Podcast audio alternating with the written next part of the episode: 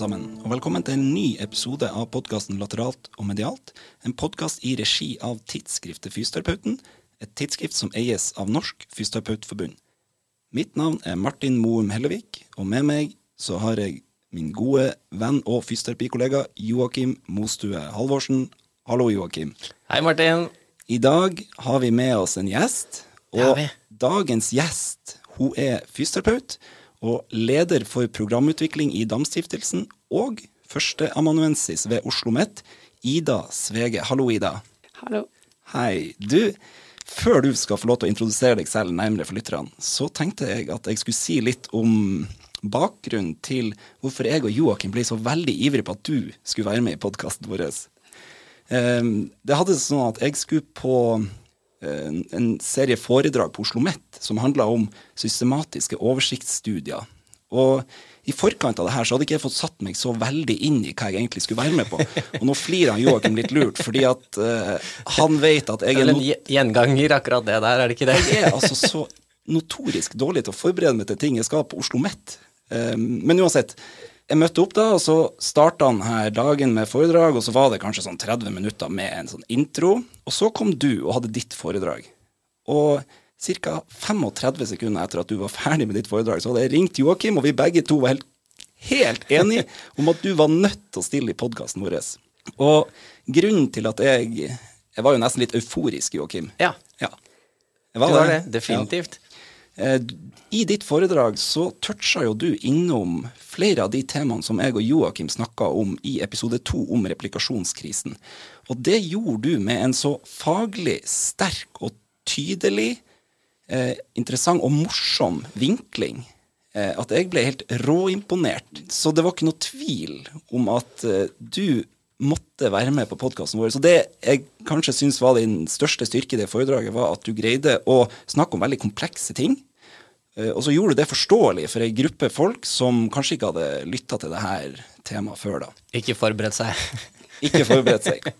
Ok, så nå Ida, når lytterne har fått et innblikk i hvorfor jeg og Joakim var så veldig ivrige å få deg med i podkasten, så tenker jeg at det er fint at du forteller litt om hvem du er, hva du jobber med, og um, hvorfor du er en som snakker høyt om de her problemene som vitenskapen og akademia strever med nå. Ja, tusen takk for en fantastisk introduksjon. Det, det, var, det er ikke så mange som har snakket så varmt eh, etter de foredragene der. Eh, men eh, ja, det var et foredrag om hvordan man kunne bruke systematiske oversikter.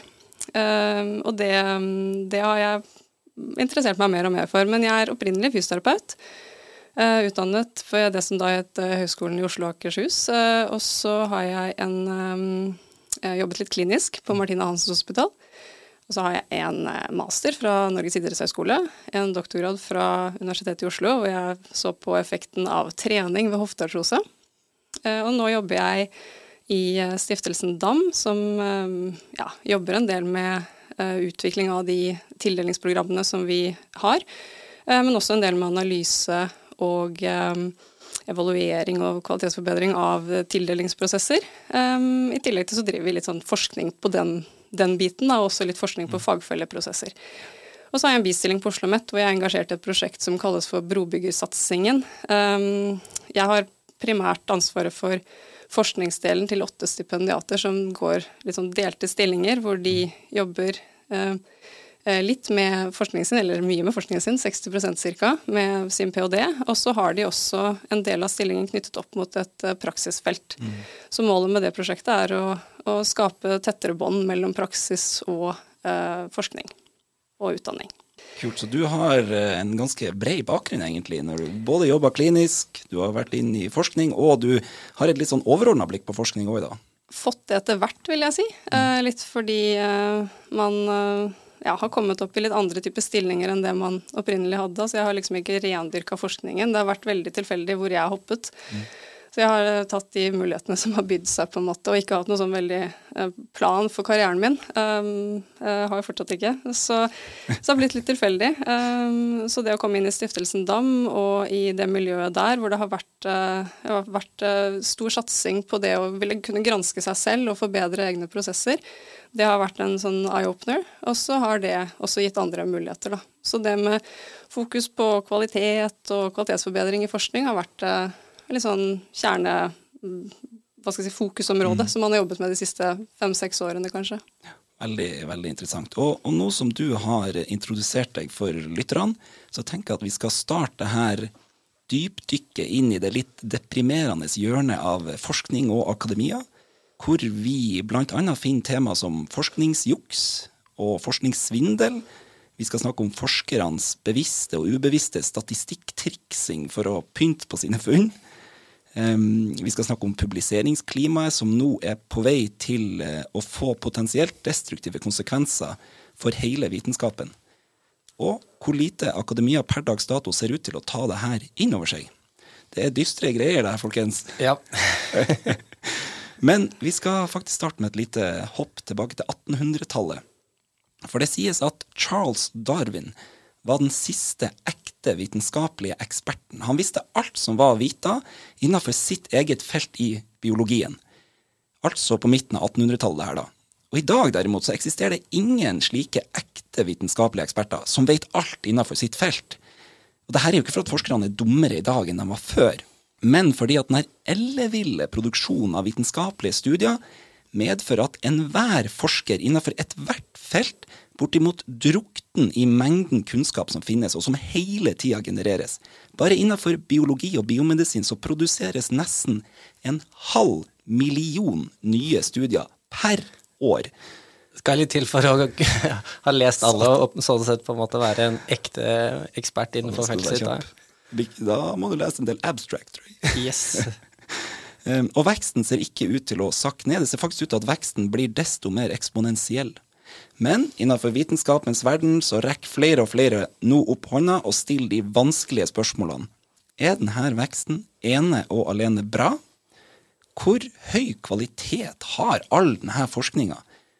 Har vitenskapens institusjoner gått seg fullstendig vill, og hvis så, hva er eventuelt konsekvensene av det her?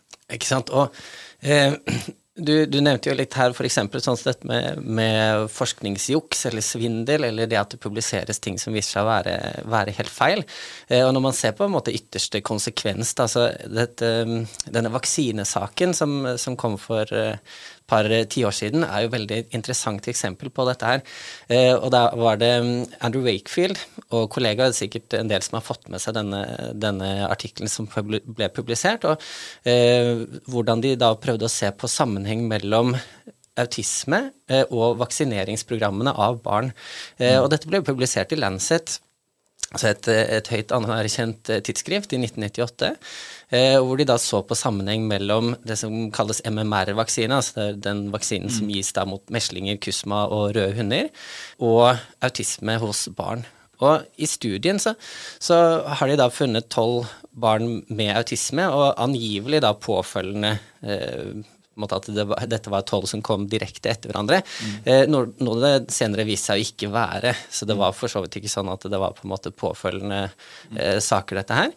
Eh, og av disse tolv så mente de da i artikkelen at åtte fikk disse eh, symptomene, både på autisme, men de så også på gastrointestinal eh, inflammasjon, og så på en måte at, at, det også kunne være en sammenheng med dette her, og denne MMR-vaksineringen, altså dette vaksinasjonsprogrammet. Og her igjen så, så de jo også senere at en del av disse barna hadde jo fått også symptomer før vaksinasjonsprogrammet. Så, så det, litt sånn med, det var veldig mange ledd i denne artikkelen som, som, man kan stille spørsmålstegn ved. Mm. Og så er det også at han Wakefield glemte å oppgi at deler av forskningen hans eh, til og med var finansiert av advokater, som da på vegne av foreldre til barn med autisme egentlig jobbet med sånne forsikringssaker eller søksmål opp mot eh, selskaper som pro produserer disse vaksinene. Så relativt sånn viktig disclosure som han, eh, som han unnlot å oppgi akkurat der. Og problemet med dette er jo at med så, en, så sterk eller så tydelig og dramatiske funn, så kastet jo media selvfølgelig seg over dette her. Mm. Eh, og det ble slått opp og voldsom publisitet rundt denne Wakefield-artikkelen og funnene. Og, og, selv om det på en måte allikevel er en case-serie med en veldig lavt antall pasienter, og, og relativt selekterte pasienter, eh, så, så, tok det jo på en måte helt av sånn i media, og det tok mm. lang tid før man egentlig innså svakheten til den artikkelen. Eh, og det tok hele tolv år før den ble trukket tilbake av Lancet. Men så, da var det mye press før tolv år, da, for å få den her trykket? da? Definitivt, for det jo, kom jo kritikk ganske raskt på den her. Og i 2004 så etterforsket også Lancet De på en måte oppretta en sak og etterforsket denne her eh, artikkelen, og mente at det var absolutt ikke noe grunnlag for forskningsjuks, selv om den var blitt beskyldt for det. Og så har det jo i senere tid også vist at det er det var definitivt forskningsjukt. Dette var eh, svindel i, i, publiseringen, og også da en påfølgende tilbaketrekning. Men det tok jo tolv år, da. Det tar veldig lang tid. Eh, og utfordringene konsekvensene med dette blir så ekstremt store. Blant annet så er det spekulasjoner om at et meslingutbrudd i Storbritannia i 2008-2009 skyldtes da på en måte vaksineskepsis, eller at man vaksinemotstandere da, som ikke eh, vaksinerer barna sine pga. funnet i denne, denne denne artikkelen. Eh, og man har også sett nå i, den kom vel i fjor, 2021, så var det Motta og kollegaer som, som, eh, publiserte en artikkel der de også prøvde å kvantifisere egentlig effekten av denne Wakefield sin studie, hva den har hatt på vaksineskepsis i USA. Eh, og der så de bl.a. at i årene sånn direkte etter at den ble sluppet, så er det mye høyere andel av innrapporterte bivirkninger på denne vaksinen mm. enn det det var i forkant, og det det var måte, i etterkant også. Så det er helt tydelig hvordan media påvirker eh, også da hva som blir rapportert inn i ettertid. Eh, og de så også en markant økning i negativ omtale mm. av vaksiner i media i eh, perioden direkte etterpå. Så det var på en måte noe som skjer. Eh, og, det har jo da langtvirkende konsekvenser utover bare det at, eh, at noe publiseres. Så ja, det er helt vilt, altså. Det er en ganske spesiell eh, situasjon, eller ja, det eksempel, det der, altså. Um, Ida, hva du tenker om at en sånn her liten studie kan få så stor betydning? Jeg tenker at det jo er et eksempel på at alt som kan gå galt, har gått galt. da. Ja. Altså den, den, har liksom tikket av på alle de tingene som, som, man ikke burde gjøre, eller som tilfeldighetene heller ikke vil at man skal gjøre. Altså det er en, elend, en elendig studie. Mm. Uh, eller den er for så vidt kanskje interessant nok, men den selger seg som så mye mer enn det den er. Ja. ikke sant? Så den, den, er, um, den, har et feil design for å svare på det spørsmålet som den gir seg ut for å svare på. Den, uh, den har en del andre svakheter også, metodiske svakheter. Og så har den uh, Så er det opplagt interessekonflikter her. ikke sant? Det er en, et kjempeproblem. Eh, som vi sikkert kanskje kommer tilbake litt, mm. til litt senere i dag også. Mm. Um, og så er det um, De drar feil konklusjoner, ikke sant. De har et design som ikke legger opp til at man kan si noe om kausalitet, men mm. det trekker de konklusjoner på, og, og det får et kjempeomfang i, i media omtale. sånn at uh, Kanskje er det publiseringsskjevhet her, ikke vet jeg. ikke sant? Altså, og den har opplagt fått en enorm spinn i media. Um, og en uh, enorm uh, rekkevidde. Mm. Uh, mye større enn det den fortjener. Um, og det er jo litt fordi det er svære funn, på en måte. Eller de selger det inn som svære funn, selv om man kanskje ikke har grunnlag til det, da. Mm. Et, et, eh, Joakim, det her diskuterte vi for en stund siden når vi først ble kjent med det her. For det, vi var ikke klar over denne studien før vi leste Stuart Ritchies fantastiske bok som heter Science Fictions, mm. som ble, kom i 2020. Fantastisk bok. Men vi diskuterte jo Tenk om denne studien Kanskje den til og med har bidratt til at den vaksineskepsisen man ser nå i 2022, inn mot covid, da, mm at, at, det har eh, mm. ringvirkninger helt hit. Og det, det, tror jeg kanskje det har. Altså. Det blir bare spekulasjoner fra vår side, altså må vi kanskje kaste ut. Men, men, definitivt, altså sånne ting kan jo være med å påvirke. At, ja. uh, at det blir på en måte så store konsekvenser av noe som egentlig, som du sier, på en måte ikke Verken studiedesign eller ingenting ved denne studien her tilsier at man skal mm. kunne generere eller si så bastante meninger eller komme med så bastante funn. Så er det klart at eh, når det kommer på en måte til eh, Altså, det er jo et tema som det helt sikkert er knyttet mye følelser til, som det er frustrasjon blant foreldrene, og det er på en måte lett å se at noe sånt at, at, det blir en voldsom spinn på det, da. Og mm. media tar tak i det og på en måte hauser det opp kanskje veldig mange ganger mm. mer enn det det egentlig hadde trengt å være. Ja, det her eksempelet med, fra Wakefield-studien her, da, er jo av det ekstreme slaget. Men det er allikevel illustrerende for hva konsekvensene faktisk kan bli. Det er forskere som opptrer uærlig, og som far med svindel. Et uh, stalltips til dere lyttere. Det er å google um, The Retraction Watch Leaderboard. Dette er en slags vitenskapens most wanted-liste, hvor man har rangert de 30 forskerne med flest retractions, altså artikler som har blitt publisert, men som har blitt trukket tilbake i ettertid. Og nå ser jeg at han Per han er rett inn på nettsida nå med en gang, for det her interesserer han. um, altså, de blir trykket tilbake i etterkant, sånn som du nevnte, Joakim, med den Wakefield-studien. Uh, og øverst på denne spinnville lista så finner man den japanske forskeren Yoshitaka Fuji med sine imponerende 183 retractions. det er så mye. det er, det er jo ikke sant, sånn som på, eh, både Wakefield, som vi snakket om nettopp, og sånn som Dietrich Stapel også, som vi snakket om i replikasjonskrisen, ja, ja, ja. de er jo ikke i nærheten, ikke sant. Selv Nei. de som på en måte er sånne grove kjente. eksempler, mm. veldig kjente eksempler, men, men 183 tilbaketrekninger er jo helt det er, det er imponerende å i det hele klare å skrive 183 artikler, men når det er 183 artikler som blir trukket tilbake, så er det jo helt hinsides. Ja. Men til tross for at denne eh, lista symboliserer noe ytterst malignt og potensielt katastrofalt for forskninga, så pekes det mot at forskninga faktisk står overfor større problemer enn det oppriktig svindel eh, og lureri medfører. Og de her problemene er vanskeligere å oppdage, og finurlig nok er noe eh, dagens konkurranseprega klima innenfor forskning og akademia faktisk åpen døra for. Og det er helt på egen hånd. Vi skal snakke om statistikktriksing, publiseringsskjevhet, åpenhet blant forskere, og hvor mye research waste som egentlig publiseres. Men da må vi først gi en kort introduksjon om et par grunnleggende statistikkbegreper før vi dykker ned i dette betente området. Ja, og jeg må bare beklage på forhånd, for det her blir litt sånn nerdete greier, altså. Men dere får bare holde, holde dere fast. Og Altså, skal vi prøve å forklare et par begreper litt sånn raskt nå. Men før vi kommer på dette med å trikse med statistikk, så må vi nesten nevne p-verdi. Og p-verdi, man ser jo ofte det i studier, så oppgis det en p-verdi. Eh, så de fleste har nok hørt begrepet, i hvert fall. Men per definisjon så er p-verdi sannsynligheten for noe at noe skjer.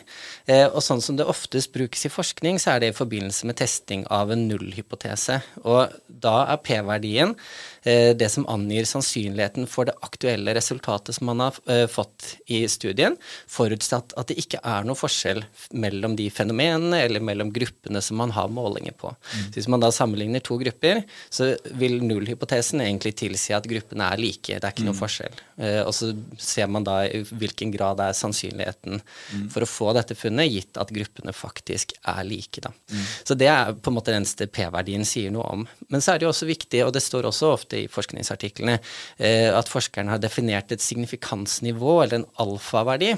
Og det går på hvor sikre er det de ønsker å være på funnene sine. Eh, ofte så, så, ser man her at eh, de bruker 0,05 som denne alfaverdien. Eh, og det, eh, det på en måte verdien på 0,05 betyr, er at eh, forskerne aksepterer en 5% risiko for en falsk positiv. Altså at man tror man finner en forskjell eller en effekt, men som egentlig ikke er der. Mm. Eh, og så måler jo det, får de denne P-verdien, og hvis den er under 0,05, så jubler alle sammen, klapper hverandre på skulderen, og så får de dette her publisert eller sier at det er et statistisk signifikant funn. da. Mm. Eh, og så kan man jo lure litt på hvor kommer egentlig dette, denne verdien 0,05 fra. Og eh, den kommer fra en statistiker, heter Fisher, som tidlig på 1900-tallet, 1925 mener jeg det var, eh, fastslo denne verdien. Og den hadde for så vidt blitt brukt eh, litt tidligere også, men han var på en måte den som kom med den første formelle uttalelsen, sannsynligvis at det ble skrevet ned et eller annet sted, som man har klart å finne i etterkant. Mm. Eh, og den verdien har jo blitt beskyldt for å være litt sånn tilfeldig, altså hvorfor valgte man 0,05 egentlig? Egentlig. Eh, og spørsmålet er jo hvor skal man egentlig trekke den linja? Hva er det som er signifikant, hva er det som ikke er signifikant når det kommer til eh, statistikk, da? Mm. Eh, og den baserer seg angivelig på tidligere arbeid og utregninger som hadde brukt da tre ganger det som man kalte probable error, eh, et begrep som man brukte på den tiden, som man ikke bruker nå. Eh, men dette tilsvarer to ganger standarddeviasjon, og standarddeviasjon er jo et begrep som man kjenner litt bedre til, i hvert fall som man ofte ser i forskning. Og en nerdeopplysninger, dette her, altså, men faktisk to ganger standarddeviasjon er for så vidt bare 4,56% ikke 5% eller ville tilsagt, eh, tilsagt denne verdien på 0,05. Men man kan jo anta at det virket fornuftig å runde opp da til 5% og være liksom så nærme at eh, da sier man 5 mm. eh, Og på den tiden så hadde jo ikke en moderne kalkulator eller PC-programmet med SPSS som kan gjøre disse utregningene sånn veldig enkelt. Så, så han Fischer utviklet da skjema eller en slags oversikt for å kunne utregne dette, og sannsynligvis noe som også da gjorde på en måte at det ble litt mer befesta innenfor forskning, akkurat den verdien. Så da var jeg nerde... jo, men det er viktig. Og, og, det er litt sånn, man må høre det noen ganger. Jeg brukte djevelsk lang tid på å skjønne ja, ja, ja. hva og jeg leste ganske mange studier før jeg egentlig forsto hva P-verdien var. Ikke sant. Ja, ja. Så det er bare å spole tilbake to minutter, og så høre akkurat den der nerdeseksjonen her tre-fire ganger, så kanskje, kanskje det blir forståelig. Ja. Eh, nå som vi har etablert hva p-verdi er, så kan vi jo komme til selve triksinga i statistikken, Ida. Eh, hvordan foregår egentlig det her? Eh, jo, nå skal du høre. Nå er jo jeg eksperten på triksing eh, her.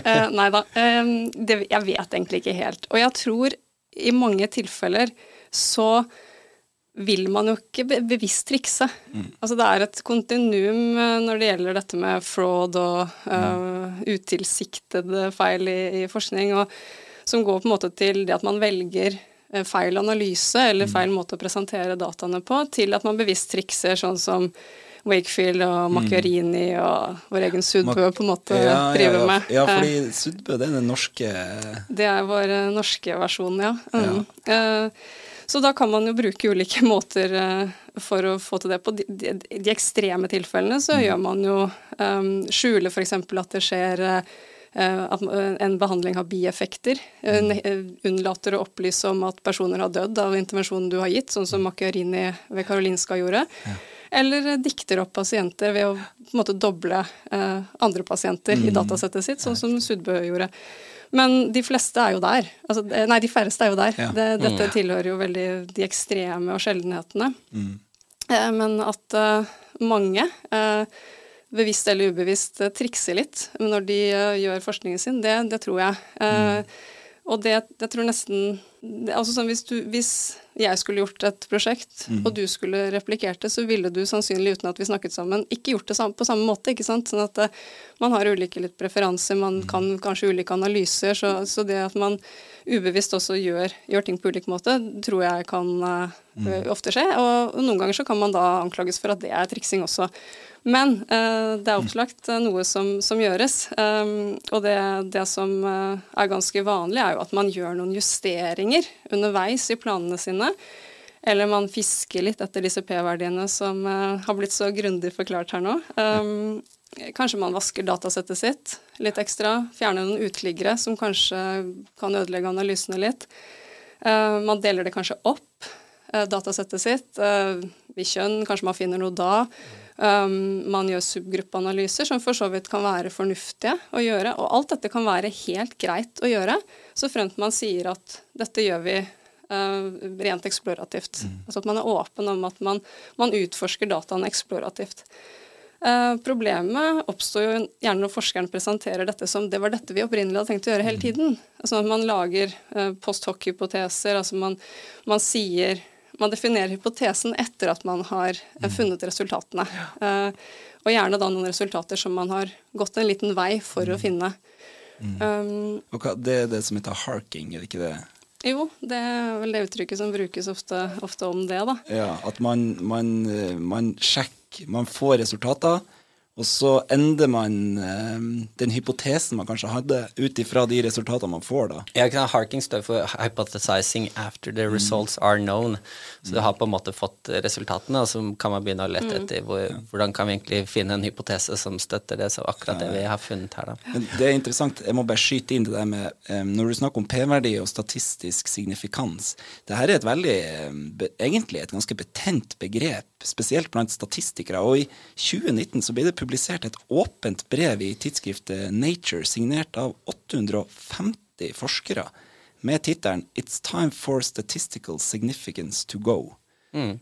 Og, og, Det er jo litt det med at man har et et begrep, da, så setter man denne alfaverdien eh, på et sted, altså signifikansnivå, så ser vi at det kommer, kommer P-verdien akkurat under. Og det kan jo også skje, sånn som Ida snakket om, at man på en måte begynner å se litt med måte, andre analysemetoder eller subgrupperinger av, det datasettet som man har. Så begynner man på en måte å, å bruke forskjellige metoder, og så plutselig så får man den P-verdien under 0,05, og igjen så blir det klapping og kake på kontoret, og mm.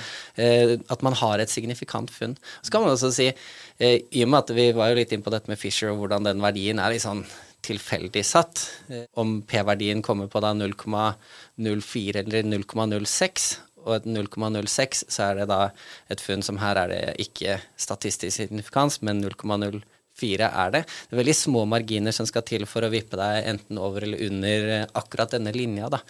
Eh, og det også er jo litt av grunnen til at man på en måte ser litt på er det egentlig fornuftig i forskningen å bruke dette her eh, som et begrep, eller som på en måte det som måler om har vi noe her, mm. eller har vi ikke noe her. Du, Ida, når du snakker med ulike akademiske miljøer og eh, universiteter, og du drar rundt og holder foredrag om det her, og spesielt når du toucher innom det her med f.eks. P-verdi og triksinga som skjer. Hva, hva, er, måte, hva, sier folk? Er, er, folk innforstått med at ja, vi er helt enige, og med, at de er helt enige med deg, og at det her er, egentlig er problematisk, eller er folk litt sånn uvitende over det her? Kanskje litt begge deler. Altså, jeg tror ikke de er så bevisste på at de gjør det. Mm. Eh, det er en naturlig del av eh, forskningsprosessen for veldig mange. Mm. Altså den derre eh, forskerens frihet til å liksom eksplorere og utforske datasettet. Og, og det er mange som argumenterer med at det er jo da man finner de virkelig spennende funnene. Mm. Og det er jo historisk sett så har jo det vist seg å være, være riktig i, i, noen tilfeller. Men de kunne man ha funnet selv om man hadde sagt at dette fant vi. Uh, men det var ikke det vi hadde planlagt å se på. Mm. Så nå genererer vi en ny hypotese. Den er sånn og sånn. Dette bør undersøkes videre.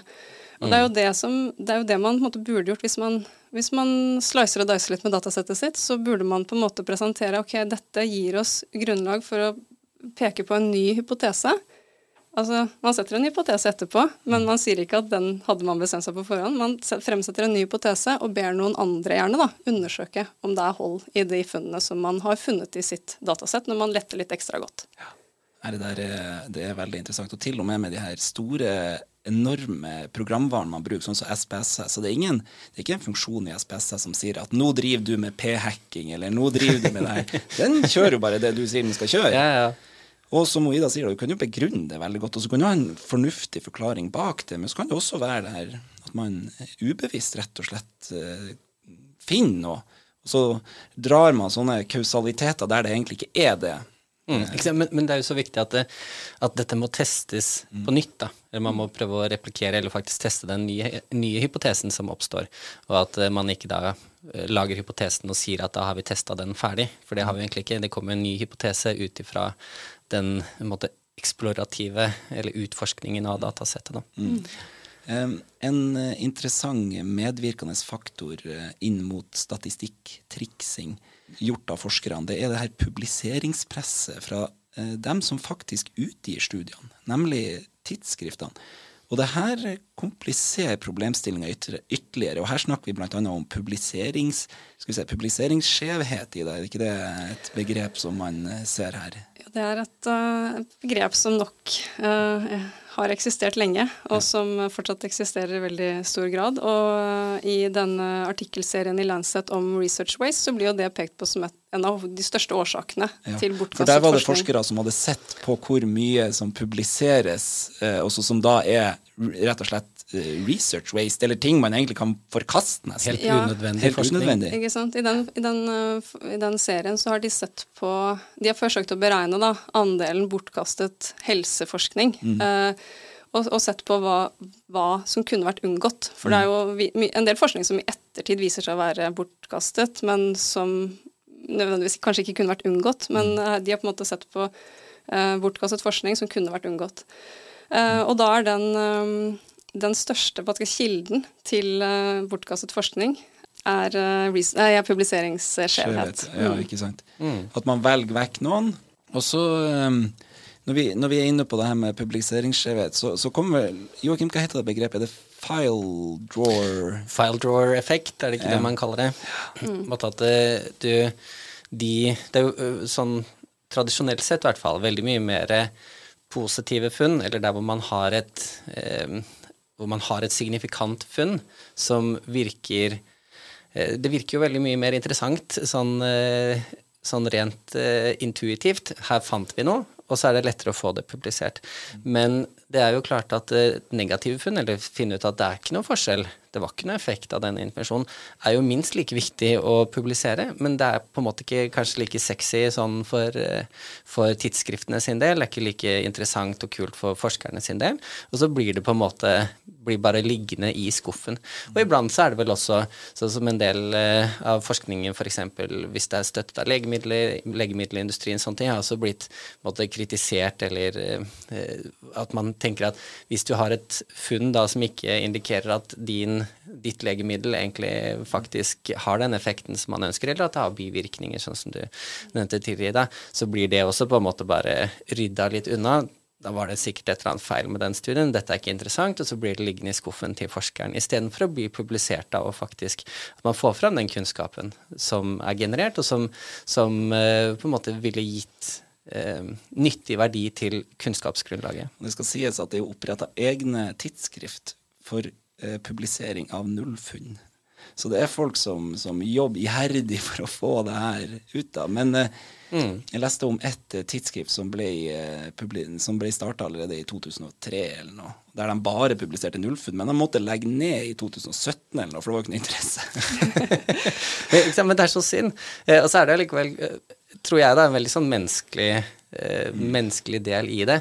At det er sånn, ok, så leste vi den, og så var det ikke noe. Man, man ønsker jo å lese noe hvor det faktisk er et eller annet funn, men, men eh, utfordringen er jo da, sånn som vi har sett på at det går an å faktisk da både p-fiske eller sette hypoteser i ettertid også, eh, så vil det jo si at noen av de funnene som man kanskje får, egentlig ikke er et funn. Men så, så får du allikevel da en falsk positiv, eller at du publiserer noe og sier at her er det en, en eh, effekt. Og så er det virkelig ikke det. Og så vil alle de studiene som viser at nei, det er ikke noe effekt her, de ligger bare i skuffen til forskerne igjen da, og blir, kommer ikke fram. Og så fortsetter vi da å gjøre intervensjoner som kanskje ikke, ikke egentlig har noen nytteverdi. da. Ja, både forskere og tidsskrifter og for så vidt også brukere er jo på en måte mer interessert i positive eller kanskje litt overraskende eh, resultater.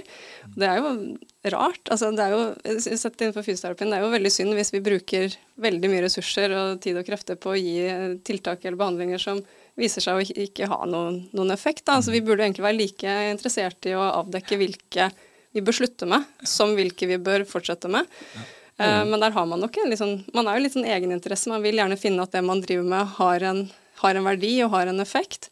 Eh, og blir litt, litt drevet etter etterpå å finne den der sammenhengen som, som man eh, som menneske da, eh, typisk ser etter. Det, der, det, der er veld, det er veldig kult du sier det, Ida. fordi at I den episoden vi hadde om triggerpunkter, det her har jo vi diskutert veldig masse, Joakim.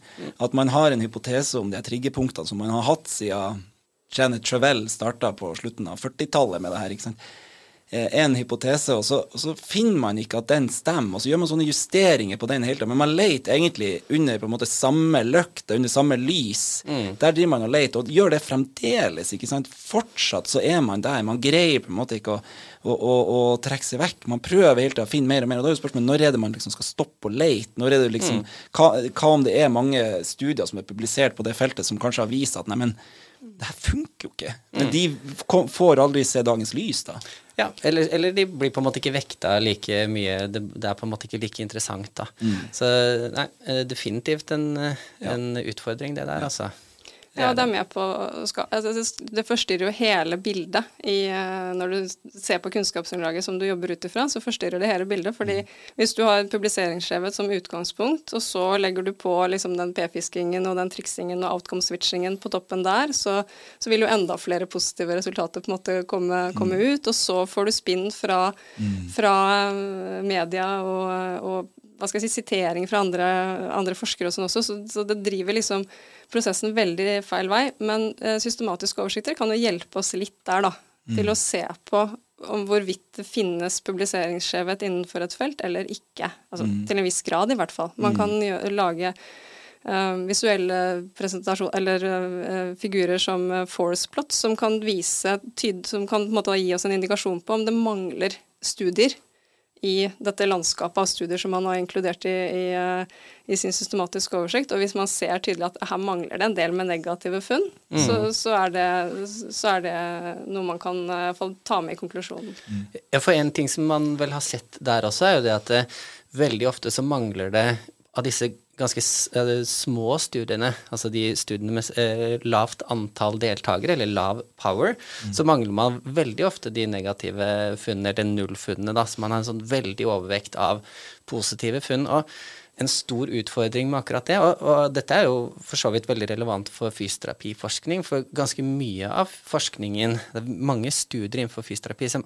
er disse små, mm. randomiserte, kontrollerte studiene, men, men, da et lavt antall deltakere.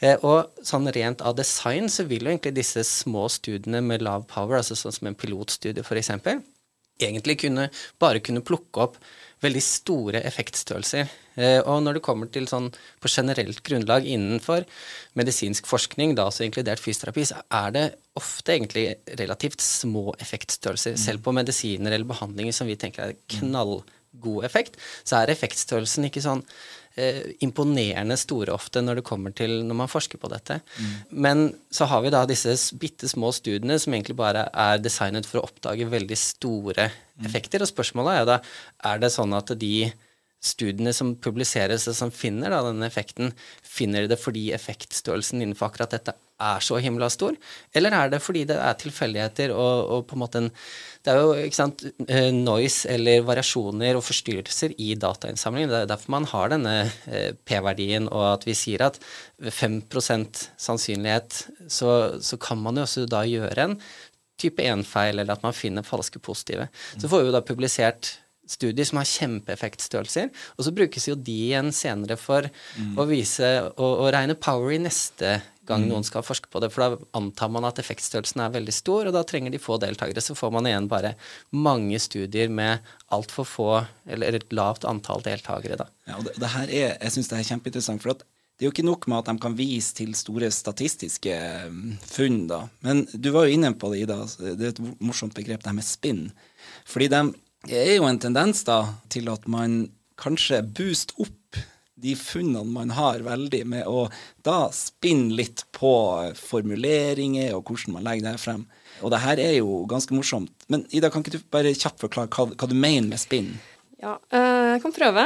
Um, det er jo en eh, Altså hvis du, hvis du har Uh, hvis du finner noe, eller, fin eller, kanskje ikke finner noe, mm. um, i datasettet ditt mm. altså Si du skal undersøke, som jeg gjorde da i min ph.d., uh, effekten av uh, trening ved hofteartrose og man ikke finner en effekt på sitt hovedoutcome, uh, som vi ikke fant, som da var selvrapportert smerte, mm. men vi finner en effekt på selvrapportert funksjon, som er et, en annen del av det samme selvrapporteringsskjemaet.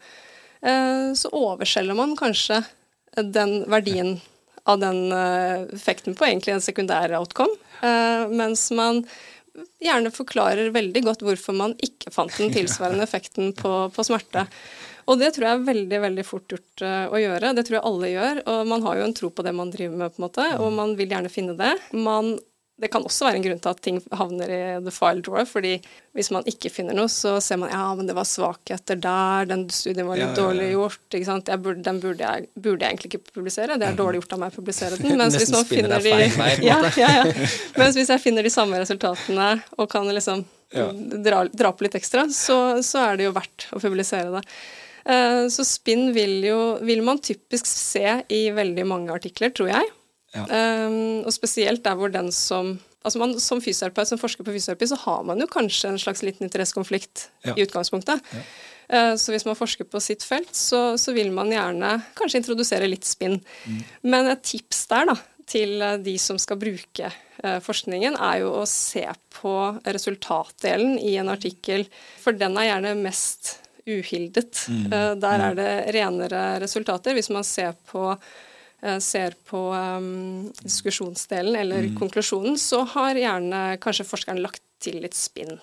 Men i resultatdelen er det ikke så ofte så mye spinn. Det skal presenteres litt mer objektivt uh, i resultatene, og så kan de begynne ja. å på en måte endre, endre mm. ting. Og det er veldig interessant sånn også på en måte ordbruken som, som, skjer innenfor forskning. For der er det en studie fra 2015 av Winkels og kollegaer som, som så på dette, og se, så i hvilken grad det var en endring av både positiv og negativ ordbruk i abstractene, altså på en måte den eh, oppsummeringen eller sammendraget av artikkelen, sånn når man eh, trykker seg inn etter å ha søkt, eh, søkt opp. Da. Eh, og da så de på, på, artikler som var publisert i databasen PubMed i perioden 1974 til 2011. Og når det kom til bruk av positive ord i abstractet, så gikk det opp fra å være fra 2% bruk til at de så det i 17,5% av artiklene. Så det er en økning på 880% i løpet av den tidsperioden.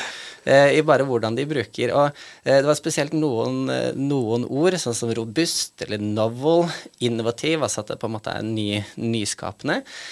Og unprecedented var de som hadde størst økning. faktisk. Det er ganske bra, vet du. Ja, unprecedented, eller enestående, hadde en økning på ikke mindre enn 15 000 i den perioden.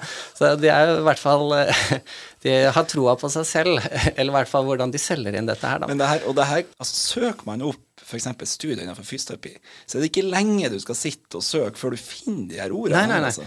Absolutt ikke. Eh, de så jo også på negativ, altså bruk av negativladete ord, da, og den så det at økte fra 1,3% til 3,2, så det var en økning på 257% Det var en økning like, der, men, ikke like men definitivt ikke i nærheten. Nei, nei. Ellers så annen, Et annet eh, interessant eksempel også var um, Gibbs og Gibbs fra 2015. Og de undersøkte bruken av ordet trend for å beskrive da ikke-signifikante funn i forskning, og det var innenfor anestesiologi som de så på akkurat det feltet. da. Så det vil si altså at P-verdien egentlig var like over den verdien som var definert eller mm. satt som, som, signifikansnivå. Og det som er veldig morsomt, var at i den perioden de undersøkte, som var da fra 1990 til 2010, så fant de faktisk en ekte trend, altså at noe utvikler seg i en retning over tid til at ordet trend ble feilbrukt i forskningsartikler for å beskrive da nesten signifikante funn. Det var en trend til, ikke sant? En trend ja. til økt bruk av trend som feilbruk. Men, men um, i den episoden om replikasjonskrisen så snakka jo vi om uh, en studie uh, som hadde sett på slyngetrening, og om det kunne bedre balanse hos pasienter med slag, og det her var i kronisk fase. da. Og hvis du leser det abstractet der, så står det at der slyngebehandlinga den forbedrer jo balansen som bare rakkeren, vet du. Og den blåste opp, vet du. Og så eh, går vi jo inn i resultatdelen, og så ser du, da var det fire uker med slyngetrening på de her slagpasientene. Skulle se om balansen deres var blitt bedre. Og de hadde funnet en statistisk signifikant forbedring, men total endring i score på Bergs balanseskala var på ett poeng på ett poeng endring fra uke null til uke fire. Og det var begrunnelsen til at dette tiltaket her, det måtte vi gjøre fordi at balansen ble jo mye bedre. Og alle som har gjort Bergs balanseskala, vet at ett poengs endring, det kan skje fra dag til dag, det, altså. Det er ingenting. En klinisk relevant endring på, på, Berg, så snakker man det litt avhengig av populasjon og litt avhengig av uh, i hvilken Funksjon. Ikke sant, sånne ting. Men, mm. men sånn som på kronisk hjerneslag så snakker man i hvert fall om tre-fire poeng eh, endring. Ja, eh, subakutt hjerneslag så må du helt opp på syv poeng før det på en måte begynner å bli at det faktisk er en reell endring, ikke bare målefeil. Eh, og hvis den skal være klinisk meningsfull, så snakker man et sted mellom seks til 12,5 poeng egentlig som er rapportert inn på det. Så ett poeng er jo helt meningsløst å skulle si noe om. Men tipset til Ida er eh, det om å se på resultatene. Det er egentlig et veldig bra tips, fordi at du trenger ikke å være en forsker. Du kan være en kliniker som har gjort tester, f.eks. som Bergs balanseskala eller Mini-Best-test, og så kan du se litt vekk fra alle de her begrepene som brukes med statistisk signifikans, og så kan du gå inn i resultatene, så ser du hvor mye bedre ble egentlig pasientene, hvor mye poengs endring hadde dem. Og det kan man gjøre, og det er en veldig effektiv måte for å faktisk kartlegge om denne studien her har hold i seg eller ikke. Det bringer oss jo litt tilbake til det dere snakket om med P-verdi. Altså er, er, det noe verdi i P-verdi? Ja, ja, Fordi uh, det er det kanskje, det, jeg vet ikke, det er fordeler og ulemper, liksom. Men, men, alene er det jo ikke noe verdi i den. Mm. Så vi må ha med de andre parametrene også, ikke sant. Den absolutte endringen eller forskjellen eller Så når man ser alt sammen i sammenheng, så, så vil man kanskje bli litt klokere. Så hvis, uh, hvis det er ett poengs forskjell, og det er betydelig eh, altså betydelig forskjell, så er det jo verdi, verdifullt kanskje å kunne si at den også er signifikant. Men, men hvis, hvis, det er en signifikant forskjell, og, og forskjellen mellom gruppene eller endringen ikke er, betyr noe som helst, så, så, er det veldig viktig å få frem. Mm. Det var jo sånn som i replikasjonskrisen igjen, den, dette eksempelet med BEM Daryl Bem og PSI, eller disse overnaturlige evnene som, eh, som de mente at hadde folk kunne på en måte se inn i fremtiden nærmest, så fant de jo en statistisk signifikant forskjell mellom gruppene. Men det var vel sånn at uh, ene gruppen hadde, var 49% mot 51% eller altså Effektstørrelsen på det var så å si ingenting. De hadde jo ikke mulighet til å, å forutsi hva som skjer, men, men det blir allikevel et statistisk signifikant funn. og Man kan slå i bordet med at her har vi en P-verdi som er under 0,05. Og, og, på en måte det som ble en sånn eye-opener, eller rocka litt ved, ved, hele den vitenskapelige metoden, sånn som det ble gjort på den tiden. da. Det mm. starta jo da eh, replikasjonskrisen. Mm. Ok, la oss nå eh, klatre ut av denne søppelfyllinga av svakheter som forskninga dessverre må ha med seg i ryggsekken. Det er som denne kjipe tingen du alltid må pakke med deg, uansett. Um, de her svakhetene i vitenskapen som vi nå har belyst, er jo ikke så vanskelig å finne om man faktisk leter ordentlig. Eh, det er litt som eh, rynken man ikke legger merke til når man ser seg i speilet, men som lyser opp som sånne her dype kløfter bare man fokuserer litt. Og Per ser på deg. når man først har sett det, så er det vanskelig å ikke se det igjen eh, seinere, da. Uansett, når forskninga har så store systematiske feil, så må man kunne spørre seg hvordan kan noe sånn her faktisk skje? Er det sånn at systemet ikke er rigga for god vitenskapelig utvikling? Eh, er det store problemer med systemet. Og her kan vi jo snakke litt om denne kombinasjonen mellom at du skal publisere, og at det er noen som ønsker at du skal ha funn. Vi har jo snakka litt om det, at de her tidsskriftene ønsker at du skal ha positive funn. Fordi det er jo ikke bare sånn at det, er, det å publisere at det eh, da er det publisert, så vi er ferdig med det. Publiseringa har positiv innvirkning både for forskeren og for selve tidsskriftet. Og vi ser vi har ulike verdier som snakkes om. Eh, vi toucha bitte litt inn i det i eh, replikasjonskriseepisoden når vi snakka om eh, impact factor. Men det er andre begreper òg her som er viktig å snakke litt om. Der vi snakker om bl.a. tellekantsystemet. Er ikke det relevant inn mot her, Ida? Jo, det, det, kan det absolutt være. Og for noen er det nok helt sikkert det. Mm. Uh, og det er uansett ikke et Jeg tror det er enighet om at ikke det er et optimalt system. Mm. Det tror jeg. Men det er, det er, vel ikke enighet om å, å skrote det heller. Mm. selv om mange tar til orde for å bruke mer, altså gjøre en mer kvalitativ evaluering av f.eks. kandidatene ved jobbsøking eller, eller ved, ved, søknad om forskningsmidler. Uh, Tellekantsystemet premierer jo publisering mm. uh, og sitering for så vidt også uh, etter hvert gjennom Altså de som publiserer og siteres, de får lettere midler. det, går, det går dem enklere, rett og slett, i karrieren sin. Så, så, de systemene som hva skal jeg si, premieringen av forskere baserer seg på, de er jo veldig forenklede, kanskje, vi kan si. Eh, og det burde være mange andre aspekter som, som betyr noe her. Eh, men det er ikke gjort en håndvending å endre det. Mm. Når det gjelder eh, de store kritiske sakene som vi snakket om innledningsvis, som eh, eh, ja, Macarini, Wakefield, og, mm. så, så, eh, så, kan man jo se for seg at, at en del blir trigget til å liksom jukse bevisst mm. for å på en måte fremme karrieren sin og sånn. Jeg tror nok det er mer sammensatt. Årsaken til at de velger å gå det drastiske skrittet, er nok mer sammensatt. De har nok også en genuin tro på tiltaket sitt, f.eks. Mm. Men at det påvirker noen til å ta noen snarveier, det gjør det absolutt. F.eks. dette med salami, sal, salami Slicing, ja. salami slicing av, av, eh, artikler og sånn. Og publiserer ja, for, hva, for hva gjør man akkurat der, da? Hva er det, hva er det begrepet forteller oss? Altså, enkelt fortalt så vil det vel si at ting som passer inn i én artikkel, og burde vært én artikkel, blir delt opp i to. Ja. Uh, for å få flere, publiseringer, flere publiseringer ja. og da flere siteringer og høyere H-indeks og ja. Vi, vi, um, vi snakka litt eh, om denne boka 'Science Fictions' av Stuart Ritchie. og I den så er det et veldig artig eksempel på det her med salamislicing. da, Der du har en eh, forsker som så på noen sånne her type krystaller. og Han drev og oppdaga nye krystaller. så var det sånn at han Istedenfor å, å publisere én studie med mange av de krystallene han oppdaga, så tok han én studie per ny type. Han, han publiserte jo så sinnssykt mange studier. vet du. Han fikk jo den CV-en på en studie på funn som kunne ha vært samla inn i betydelig færre, da. Ja, ja. Så det Et forskningsprosjekt, og så får du på en måte 100 publiseringer eh, ut av den. Ja.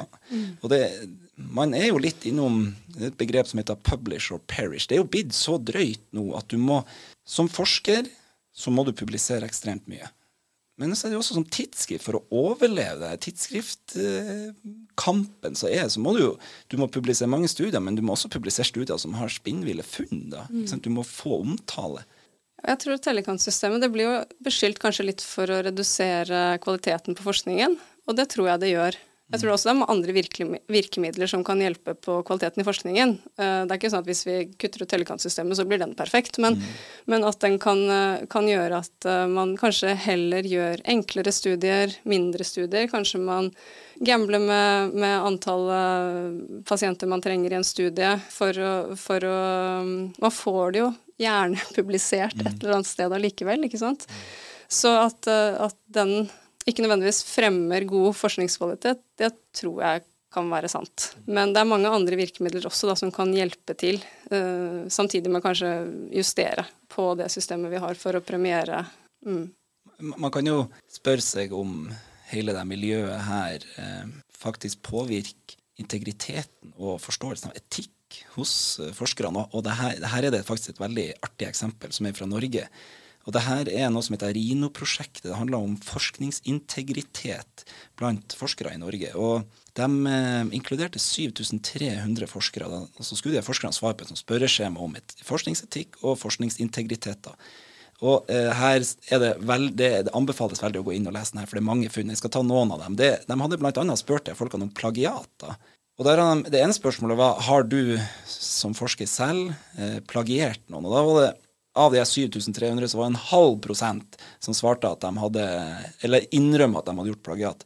Men samtidig så, opplevde, nei, så opplyste 14% av de forskerne at de kjente til andre som hadde begått plagiat. Alle kjenner han samme luringen. Men et funn som kanskje ikke har like stor nyhetsverdi, men som kanskje er desto viktigere, det var et funn som gikk på det her med om det er fokus på forskningsetikk og integritet i de eh, institusjonene der forskere jobber på. Og da var det 60% av de her forskerne i denne studien her, de nevner at de har fått ingen eller minimal undervisning i eh, undervisning, kursing eller veiledning i forskningsintegritet eller forskningsetikk ved de institusjonene de jobber på. Så det kan godt hende de hadde fått det liksom i utdanninga si, men den er du jo ferdig med, og så begynner du å jobbe, ikke sant. Og så er det så lite fokus på det der. Og det her er Man kan jo tenke seg at i veldig stor grad så er vitenskapen bygd opp på tillit. Og hvis ikke det her er eh, Hvis ikke man er observant og fokusert på det her, så kan jo det påvirke veldig, spesielt når man ser det klimaet som man, man driver og eh, jobber i, da. Eh, Man kan jo føle en slags sånn håpløshet når man står overfor de her utfordringene som gjennomsyrer så mye av vitenskapen. Men det interessante er at denne oppdagelsen, eller riktigere sagt erkjennelsen av de her kritikkverdige forholdene, faktisk har ført til en slags folkebevegelse, hvor forskere fra mange ulike disipliner nå bretter opp ermene og systematisk iverksetter tiltak for å rydde opp i det her rotet. Det finnes jo noen pionerer innenfor dette feltet. Bare hør på dette sitatet fra den anerkjente psykologen Dorothy Bishop. I think that in two decades we will look back on the past 60 years and marvel at how much time and money has been wasted on flawed research. Hva skal vi egentlig gjøre i dag for å fikse opp i de greiene her? Du sitter vel med svaret? Fasiten. Fasiten i det. Oh, ja, det hadde vært, eh, vært flott å hatt noen enkle virkemidler som kunne eh, vært tatt i bruk, og som hadde fikset det på kort tid. Jeg tror ikke det er gjort i en håndvending, eh, men jeg tror vi har noen virkemidler som vi kan bruke ta i bruk, og, og som er allerede er tatt i bruk i mange, i mange, i mange miljøer. og eh, både akademiske miljøer, blant fundere. Og det kommer, kommer krav da, fra ulike miljøer om at forskerne må gjøre, gjøre det ene og det andre for å ivareta integriteten og, og forskningsetikken. Jeg tror kanskje en del forskere, mange, mange er kjempeflinke og ryddige og har gode intensjoner om dette her, men jeg tror en del forskere kanskje ser litt snevert på hva forskningsetikk er. At det primært handler kanskje om informert samtykke og, og, og det å ikke utsette de de tester mm. intervensjonen sin på, eller, eller ja, andre ting, hvis, avhengig av hva du skal forske på. At det er det det handler om. Men det handler jo om mye mer enn det. Altså hvor, hvor er forskningen din i en, hvordan setter du din forskning inn i den konteksten som du, som du, er i, og hva er på en måte egentlig formålet med det? Jeg, jeg tenker jo at um, det å, å, forankre forskningsspørsmål f.eks. For eh, i en litt større gruppe, og kanskje blant også brukergrupper, for å redusere eh, forsknings, bortkastet forskning, da.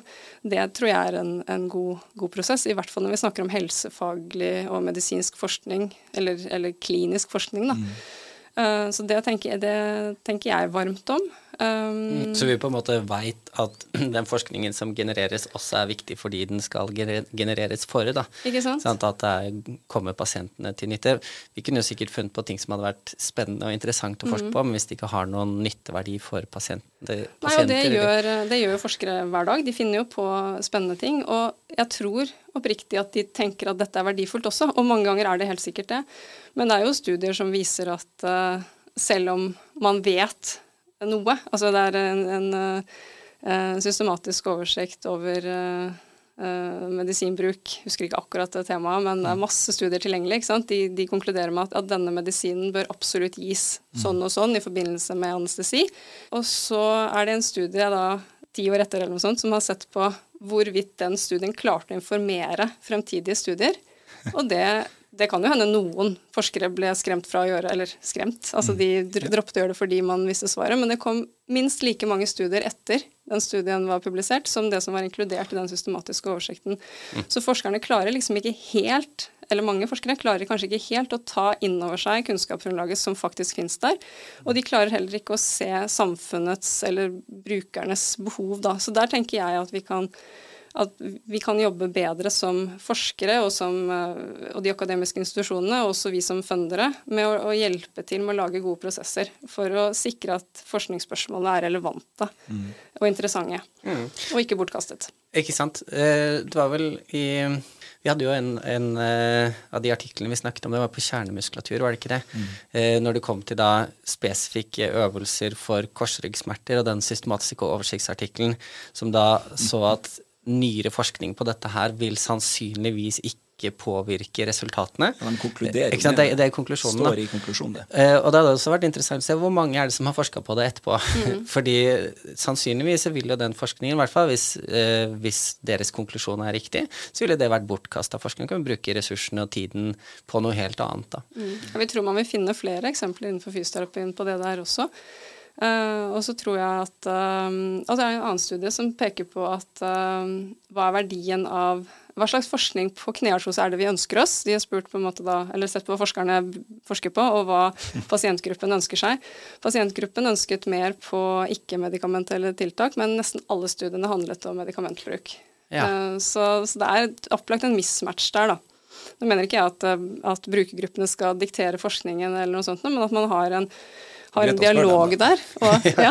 Greit å spørre dem. Ja, det er helt enig. Ja. Eh, eh, når, når, vi snakker om det her, eh, hva man skal gjøre, og, og, hva er det vi egentlig Hvordan skal vi få det her til? Så du kan, gjøre, du kan si masse sånn spesifikke ting.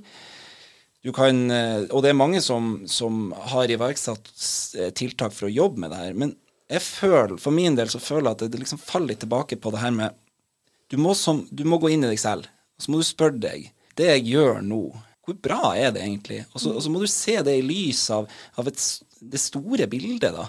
Og det tenker jeg, og spesielt når vi snakker litt med Asle, da, hvor vanskelig det her egentlig er. da, hvor, hvor, hvor eh, krevende det er å gjøre det. Mm. Og jeg tror det her eh, er noe som eh, Når man har jobba i klinikk, så kjenner man mye på det, for det kommer veldig mye forskning. Og den følelsen der over hvor slitsomt det her egentlig er, det er ganske tøft. Men det tror jeg også forskere opplever når de liksom sitter der med den studien sin, og så er det sånn ja, egentlig så burde du ha standarden din ti hakk mm. høyere opp, og så, det, og så, er det, ikke bare å gjøre det, for det er kjempevanskelig, det er komplisert å få det til. Mm. Jeg, jeg, tenker jo sånn når det kommer fordi det er så menneskelige prosesser da, som vi alle påvirkes av Hvis man, altså Først er jo det å anerkjenne at vi påvirkes av disse menneskelige prosessene, men med noe som kan på en måte gi en slags sånn barriere for å sitte og, og, trikse eller lete på ting eller endre på en måte på forskningsmetoden sin i ettertid, er jo forhåndsregistrering eller sånne register reports, altså på en måte mm. har da definert og sagt, publisert et sted, hvordan er det egentlig eh, metoden skal utføres. For da blir det Du på en måte mister litt av den muligheten etterpå til å falle for fristelsen til bare å sitte og trikse, trikse med mm. ting. Da. Det er ikke sånn sett sagt at man nødvendigvis unngår det helt, men det vil vel i hvert fall kunne redusere risikoen for at man på en måte eh, ja. sitter og, og, blir påvirket av disse menneskelige prosessene og begynner å lete etter nye ting. da. Mm, absolutt, og det, den, det virkemidlet jo, har jo vært brukt i lang tid. Uh, Clinicaltrials.gov uh, er jo et sted hvor man typisk må registrere, uh, registrere, kliniske studier og si hva man skal gjøre og, og hvordan man skal teste det og, og sånn. Mm.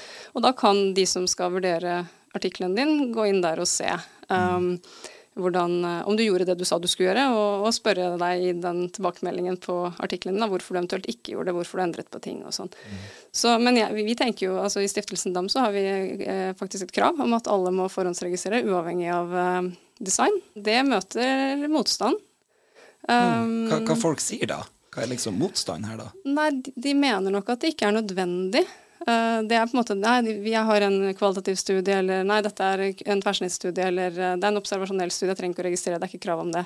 Men vi har krav om det fordi vi tenker at det vil øke, kvaliteten på forskningen. For det, det, med, det ene er på en måte det å velge gode forskningsspørsmål, men det andre handler om at vi må øke kvaliteten på det vi faktisk gjør. Uh, og da tror jeg at uh, forhåndsregistrering kan hjelpe oss litt. For det første så tvinges du veldig til å tenke gjennom design og metoden din mm. når du skal forhåndsregistrere det. Altså, du, du, har jo typisk en protokoll, men den er liksom ikke så hugget i stein da, som mm. en, en uh, forhåndsregistrering er. Så du tvinges veldig til å tenke gjennom alle elementer i forskningen din. den har typisk en mal som du må følge litt, så du må ta stilling til om i analysene skal jeg fjerne uteliggere, skal jeg kjøre to mm. analyser altså det, Du blir liksom spurt om alle, alle, disse tingene litt eksplisitt. Så det vil hjelpe deg til å øke kvaliteten på forskningen din, og kanskje Absolutt. også da gjennomførbarheten av mm. prosjektet ditt. Mm. Det, jeg synes det som jeg Det der er jo så viktig å tenke en interessant ting. og det her er det du snakker om nå, det kan egentlig dras paralleller til noe jeg og Joakim ofte snakker om, og noe som vi opplever. Fordi det du sier, er jo at uh, folk sender inn en søknad, og de har lagt sjela si inn i den søknaden der. Og så sier dere nei, det her er ikke godt nok. ikke sant? Det kan dere si noen gang. Og en ting jeg og Joakim har blitt kritisert for um, når vi har prøvd å synliggjøre det vi mener er åpenbare kunnskapshull innenfor fysioterapien, det at jeg og Joakim kun er to uerfarne fysioterapeuter som egentlig ikke forstår hva vi snakker om. Altså hvordan skal liksom jeg og Joakim kritisere fysioterapitiltak eller fagfelt som vi ikke selv har praktisk kompetanse eller erfaring innen? Er vi egentlig verdige til å stille de spørsmålene? Og da tenker sitter og tenker når du sier det du sier, da, som her, sitter, her kommer du søknader inn, sikkert fra superdyktige forskere som har forska i en evighet, vet du. Og så sitter dere og sier dere nei, det her er ikke godt nok. Hva, hva, hvordan er reaksjonene? Kan de bli forbanna, eller? Det er ikke så veldig mange. Vi har ikke klageadgang hos oss, så det er ikke ah, Lurt. veldig, veldig lurt. Joakim, tips? Nei da. Det, det, det, er opplagt at noen føler seg uh, ikke urettferdig behandlet, kanskje, men at de som har lest søknaden, ikke har sett uh, Eller kanskje har misforstått noe, eller ikke har sett uh, den opplagte verdien i det. Eh, men de fleste er vant, dessverre, da, vant med å få avslag. Det er jo en veldig lav innvilgelsesandel. Eh, de aller fleste denne type programmer, dessverre. Um, så det er ikke veldig mye negative reaksjoner. Det er det ikke. Vi er jo veldig åpne om tilbakemeldinger, så vi gir tilbake hvilke karakterer de har fått og, og sånn. Og, og det, det, man jo henger seg opp i der, er typisk at det er uenighet mellom fagfeller, og det er det. Så, så, det er um, Hva mener du da? Uenigheter mellom, mellom uh, de som har vurdert? Ja, ja vi har fem som vurderer hver søknad i Stiftelsen Dam, og, og de, kan, de, skal da sette fire karakterer hver på en skala fra én til syv. Og den, det spennet kan gjerne være fra i hvert fall tre til seks, syv, da, ikke sant, på mm. de ulike kriteriene også. Så det er noe som, som, som, er, som skaper mye hodebry for oss i den bransjen, da. Eh, og noe vi eh, forsker litt på. Eh, ja, for dere har prøvd å, å, kartlegge det her litt? Se litt ja, systematisk på hva Vi jobber litt systematisk med hva skal jeg si, å, å, forsøke å redusere den graden av tilfeldighet da, som det jo introduserer, hvis det er veldig stor uh, ulikhet i hvordan man tolker skalaen og hva man forstår av søknaden. Eller ikke hva man forstår, men hvordan man forstår den mm. på den skalaen. Mm. Uh, så jo Så hvis vi klarer å redusere uenigheten da, mellom forskere, så vil det jo skape en større eller mindre variasjon i hvem som, hvem som får penger og ikke. Så, um, så, det jobber vi litt uh, med. Uh, men jeg tenker at nei, de fleste, de fleste tar nok det ganske, ganske godt, altså. Jeg tror, jeg, jeg tror, de fleste forskere i Norge er nok ganske vant med å få, få avslag på forskningssøknadene sine, dessverre. Mm. Mm. Jeg syns det er inspirerende å høre hvordan dere jobber med å forbedre dere i, der du er, da, og tør å ta de her Synliggjøre sine svakheter mm. og diskutere dem i fellesskap. Og det syns jeg er viktig. Og det tenker jeg er en fin plass der vi kan begynne å avslutte eh, dagens episode. Vi skal avslutte med et sitat fra igjen, det er vel tredje gang jeg nevner boka 'Science Fictions' fra Stuart Ritchie. Folk dere burde lese den. Den er kjempebra. Dette sitatet her, det drar paralleller til det noe av den kritikken som jeg og Joakim har møtt når vi holder på med det vi mener er en nødvendig selvransakelse innenfor fysioterapiprofesjonen. Eh, store ord, Joakim, men eh, vi skal stå i det her. Og det her handler nemlig om det å snakke om våre faglige svakheter og utfordringer. Og forfatteren av boka, Stuart Ritchie, snakker om kritikken som han har fått, eh, som rettes mot hans eksponering av vitenskapens svakheter, at det faktisk skader mer enn det nytt. Og det er argumentet på engelsk. Nei, det her sitatet på engelsk. The argument that airing our dirty laundry in public will reduce trust in science seems more misconceived when we look at the sheer amount of worthless, misleading, and fundamentally untrustworthy research we're putting out into the world. Every time we allow a flawed or obviously biased study to be published, every time we write another boy who cried wolf press release that can't be backed up by the data, every time a scientist writes a popular book full of feel good but flimsy advice, we hand science's critics another round of ammunition. Fix the science, I'd say, and the trust will follow. Mm. Så det er på en måte en nytteverdi også det å eksponere dette og, og ta det ut i det offentlige rom. Eh, og at ved å faktisk tørre å gjøre det, sannsynligvis, eller forhåpentligvis, da, at man vil kunne klare å fikse problemene og også da på en måte få skapt den tilliten. Mm.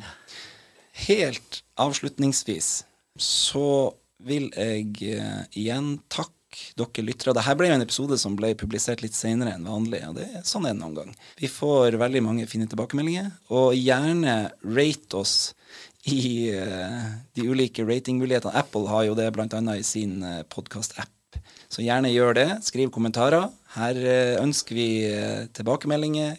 uansett om de er positive eller negative. Det er viktig. Vi ønsker å gi et så bra produkt som mulig. Eh, og vi ønsker å forbedre oss.